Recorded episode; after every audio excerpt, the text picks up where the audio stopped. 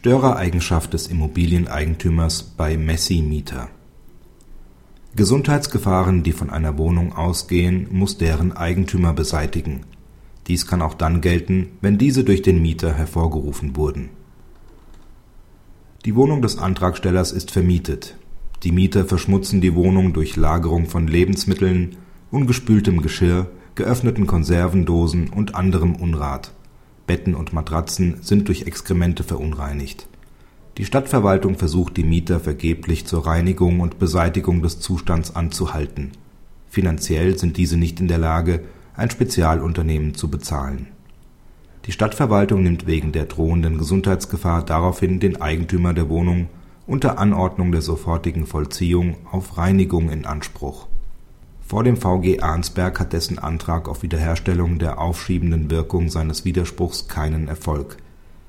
Der unhygienische Zustand der Wohnung, nicht nur durch die Abfälle und Exkremente, sondern auch durch die als Folge dieser Verschmutzung auftretenden Fliegen und Maden, muss nicht weiter hingenommen werden.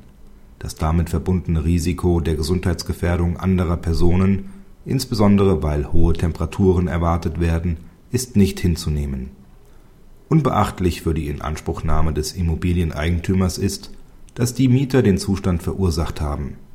Diese sind zum einen nicht bereit und zum anderen finanziell nicht in der Lage, diesen zu beseitigen. Im Hinblick auf die zur Beseitigung der Gefahrenlage zu beachtende Effektivität kann auch der Eigentümer als Zustandsstörer durch die Ordnungsbehörden in Anspruch genommen werden. Praxishinweis Die Entscheidung ist im Hinblick auf die offenbar vorliegende sofortige Handlungsnotwendigkeit zutreffend.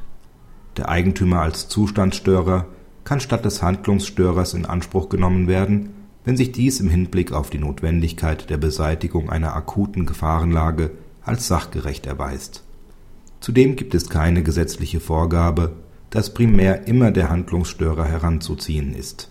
Ein Eigentümer von Immobilien wird sich gegen solche Maßnahmen auch kaum schützen können.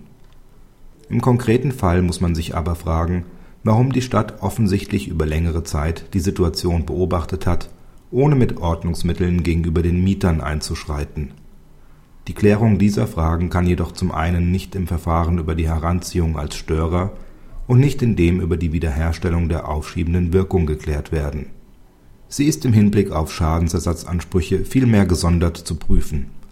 Solche können jedoch nach 839 Absatz 1 Satz 1 BGB nur bestehen, wenn die Pflicht zum Einschreiten der Behörde auch gegenüber dem Eigentümer bestand. Dies erscheint unter Berücksichtigung der ständigen Rechtsprechung des BGH zweifelhaft